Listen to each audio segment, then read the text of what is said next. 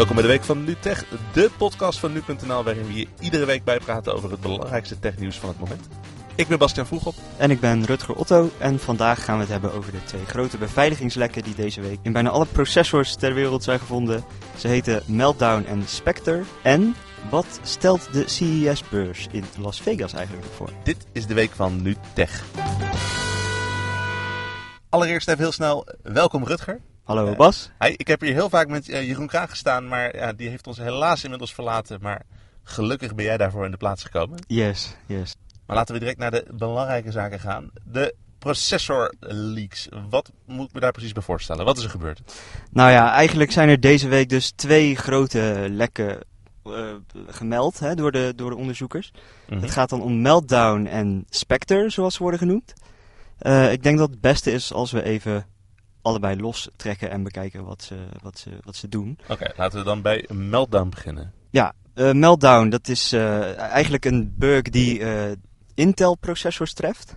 Het Ja. gaat dan vooral over, over computerprocessors en processors die in clouddiensten worden gebruikt. Ja, dus de servers die bij Amazon staan, waar, of bij Dropbox, waar al je bestanden daarin zitten, zeg maar. Ja, precies. Precies.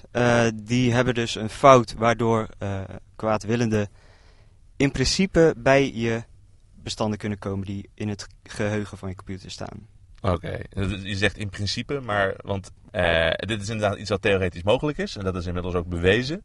Maar er zijn nog geen voorbeelden van mensen die deze eh, kwetsbaarheid hebben toegepast, toch? Nee, het is nog niet bekend of die eh, lekken echt daadwerkelijk misbruikt zijn. Mhm. Daar zijn nog geen gevallen van bekend. Wel hebben onderzoekers dus bekeken of het mogelijk was en dat blijkt inderdaad zo te Ja, zijn. dat er nog niets bekend is, hoeft natuurlijk niet te betekenen dat het nog niet gebeurt. Nee, Misschien precies. dat er over tientallen jaren een eh, document weer van de NSA naar buiten komt waaruit blijkt dat ze dit gebruikt om te spioneren. spioneren. Dat weten we simpelweg niet. Maar op het moment zit het erin.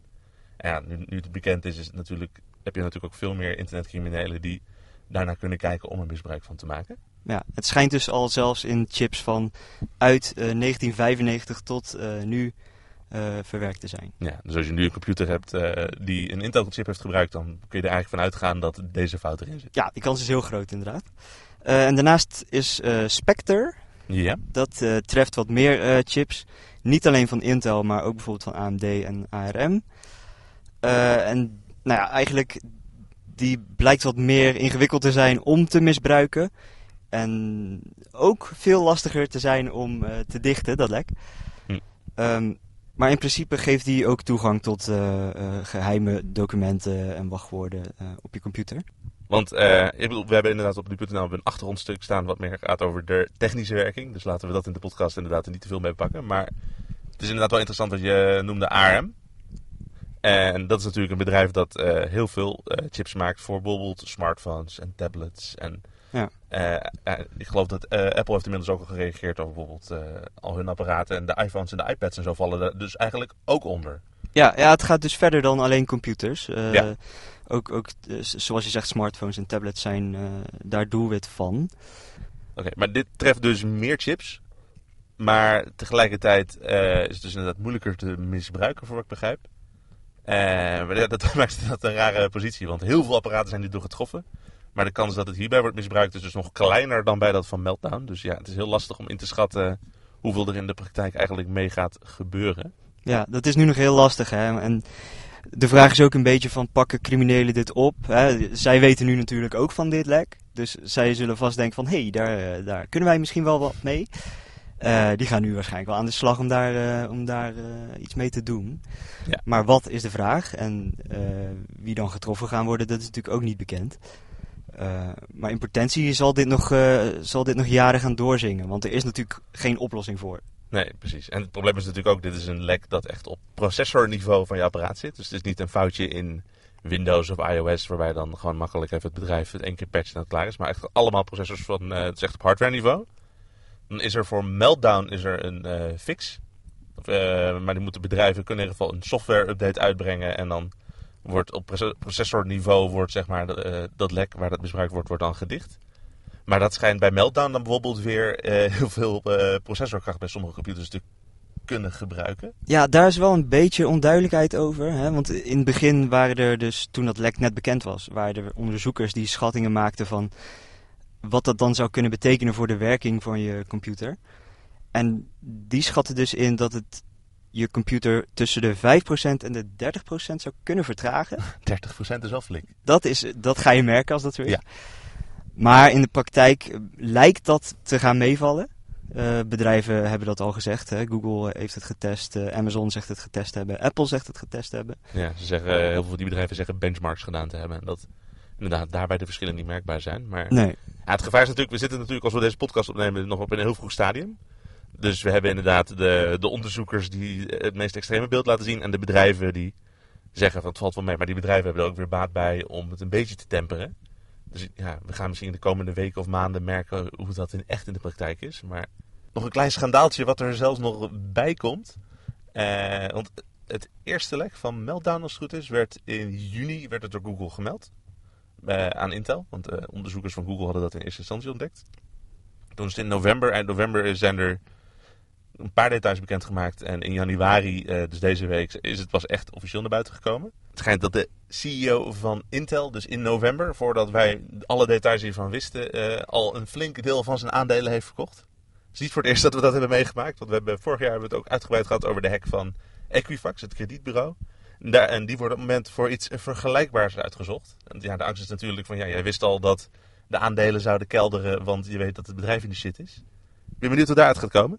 Ja, nadat het, nadat het lek eh, bekend werd gemaakt, kelderden inderdaad ook de, de aandelen van eh, Intel. Ja, hè? gaat, eh, ik, ik zat vandaag even te kijken toevallig. En als je naar de afgelopen maand kijkt, de huidige stand van het aandeel valt wel mee. Misschien als deze podcast een paar dagen later beluisterd wordt dat het helemaal kapot is gegaan, dat weten we nog niet. Maar op het moment is het nog niet eh, alsof het bedrijf helemaal in de grond wordt gewerkt. Maar eh, ik ben benieuwd hoe er wat uitkomt. Of eh, dat inderdaad met voorbedachte raden was. Hij zegt er uiteraard van niet.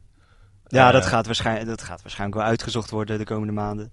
Oké, dus die lekken zijn bekend, maar wat kunnen mensen daar nu eigenlijk aan doen zelf? En hebben ze daar nu al last van? Nou, we hadden het inderdaad net al over de software-updates van Meltdown, die mogelijk wel of niet computers trager gaan maken. Maar dat terzijde, heel veel bedrijven zijn nu bezig om die updates te pushen. Eh, dus we hadden het net over Apple, die heeft al een eh, update beschikbaar gesteld. Google eh, heeft zijn diensten al hier tegen beveiligd. Ja, er is een update voor Windows. Windows Update is beschikbaar, dus naarmate je computers gewoon goed up-to-date houdt, dan zou je in, in heel veel gevallen voor Meltdown beschermd moeten zijn. Voor Spectre is dat lastiger, toch? Ja, voor Spectre is het natuurlijk sowieso lastiger, omdat we niet weten wat de aanvallers daarmee gaan doen. En er is gewoon geen oplossing. Dus eh, ja, wat kun je daar nou aan doen? Eigenlijk niet echt veel. De lange termijn oplossing is geloof ik om in de toekomst een chip te kopen die deze kwetsbaarheid niet heeft. Ja, precies. Dus dat als misschien een toekomstige smartphone is het dan sowieso opgelost. Of een toekomstige computer. Maar een softwareoplossing is er op dit moment nog niet. Er zal geheid hard aan gewerkt worden. Maar eh, dus de, de, de aanval die ook het moeilijkst uit te voeren is, zijn we op het moment ook het slechtst tegen beschermd. Precies, ja. Maar zoals altijd blijft dus gewoon het hele ding. eh, blijf updaten. Klik niet op rare bijlagen in de e-mail en dat soort dingen. Denk vooral even gezond na, is eigenlijk het eh, advies. Nou, goed advies. Volgende week is het weer de Consumer Electronics Show in Las Vegas. Oftewel de CES-beurs, de grootste techbeurs eh, ter wereld. Ja. En Bas, jij gaat daarheen. Ja, we ga, ik ga samen met eh, onze ja, eigenlijk vertrokken collega Jeroen Kraan. Hij heeft nog een soort van zwanenzang in Las Vegas tijdens die Precies, beurs ja. als journalist eh, voor ons. Dat belooft wat, hè? Ja, we gaan daar heel veel gadgets checken en persconferenties bijwonen. We weten natuurlijk nog niet wat er eigenlijk eh, precies wordt aangekondigd. Want dat, ja, dat is het idee van een aankondiging op een persconferentie, dat weet je dan wel. Eh, je merkt op zich wel dat er al een paar trends op zich zichtbaar zijn. Want, Er worden al eh, hier en daar wat aankondigingen gedaan, hè? Ja. Eh, laptops. En... ja, maar LG we- heeft geloof ik alles inmiddels al laten zien zo'n beetje. Ja, precies. Tot robots aan toe. Maar wordt het nou nog een beetje spannend eigenlijk dit jaar? Ja, kijk, er staan wel een hoop persconferenties voor eh, zelfrijdende autodingen of autobedrijven die daar opeens zijn. Is op zich een leuke ontwikkeling om te volgen, maar zelfrijdende auto's volgen wel een tijdje. Ehm, maar de CES is natuurlijk altijd al heel de beurs geweest van de beetje. Ja, de, de mainstream producten is misschien een beetje flauw om ze te noemen, maar gewoon de, de televisies en eh, dat soort dingen. En ja, als je inderdaad verwacht dat eh, een totaal nieuwe productcategorie zoals de tablet in 2010 wordt aangekondigd, dat zal op CES niet heel snel meer, meer gebeuren. Maar het zijn tegelijkertijd denk ik wel hele belangrijke producten, want het zijn dingen die allemaal superveel worden verkocht. CES is ook vaak de plek waar nieuwe bijvoorbeeld beeldschermtechnologie voor in je televisie wordt gepresenteerd. Dus misschien dat we een paar technologische ontwikkelingen op het vlak van dingen die we nu al hebben gaan zien. Ik zag in elk geval al een 8, 8K, 88 inch OLED-televisie van LG. Is wel een beetje vals spelen, heb ik het idee. Want het is een- inderdaad een 8K-televisie, maar is ook iets van wat 85 inch, geloof ik. Ja, 88 inch. Ja, dus ik heb het idee dat ze gewoon vier 4K-panelen hebben gepakt, een beetje aan elkaar vastgelast hebben. Want eh, en dan hoeven ze die pixeldichtheid niet meer zo klein te maken op 8K te doen. Dus een beetje flauw, maar ja, het is wel een, een, alvast een kijkje naar hoe dat er in hemelsnaam gaat uitzien. Er zat geloof ik ook een 4K... eh, er zat ook een 4K beamer, geloof ik. Nou, ja, we gaan het allemaal, eh, dat soort dingen komen er vaak voorbij. Vorig jaar was er ook zo'n super dunne tv die je met magneetjes geloof ik op de muur kon doen. Dus Hebben we sindsdien heel veel van gehoord, inderdaad. nee, nee, helemaal niks. Maar het is wel vet om te zien op de CES. Zeker. Jij duikt daar helemaal Ja. in. En één ding eh, wat we misschien nog een... We gaan, er zijn nooit echt telefoonaankondigingen meer op CES. Maar er zijn wel eh, weer berichten dat we misschien een kleine tease krijgen van de Galaxy S9. Ik denk dat dat misschien eh, gewoon een plaatje of een, eh, filmpje, een filmpje zonder de telefoon zelf gaat zijn. Maar de eerste tekenen van leven van de eerste grote vlaggenschiptelefoon van 2018 zijn daar misschien ook wel. Nou, spannend. Zeker. Mocht je nou denken, zo'n techbeurs, ik ben wel eens benieuwd hoe het eigenlijk is om daar naartoe te gaan. Dat kan dit jaar, want we gaan eh, met nu.nl experimenteren met WhatsApp. Dat schijnt een app te zijn die sommige mensen gebruiken. Heb je er wel eens van gehoord? Eh, ja, ja. Ah, Ik gebruik het zelf ook volgens mij. Ah, interessant. Nee, we hebben een, eh, ja, een soort van WhatsApp-groep dit jaar. Waarbij we eh, een, ja, lezers die geïnteresseerd zijn eigenlijk op de hoogte houden over nou, de grote aankondigingen die daar zijn. Maar eigenlijk ook een beetje een backstage idee willen geven van nou, eh, hoe ziet zo'n beursvloer er nou uit. eh, Wat voor gekkigheid is er te zien? eh, ja, nee, precies. komen Van als we opeens dansende robots zien, dan kan ik je beloven dat dat in die WhatsApp-groep terechtkomt. Precies. In het artikel van deze podcast, of als je deze app vanuit een eh, podcast-app luistert op nu.nl, kun je gewoon lezen hoe je je aan- aanmeldt voor die groep. En nou, dan krijg je onze berichtjes mee. Yes. Oké.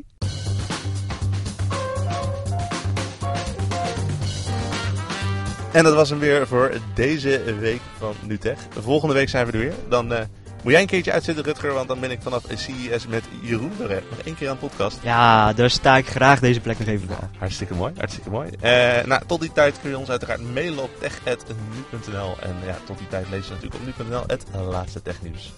Tot volgende week. Doei.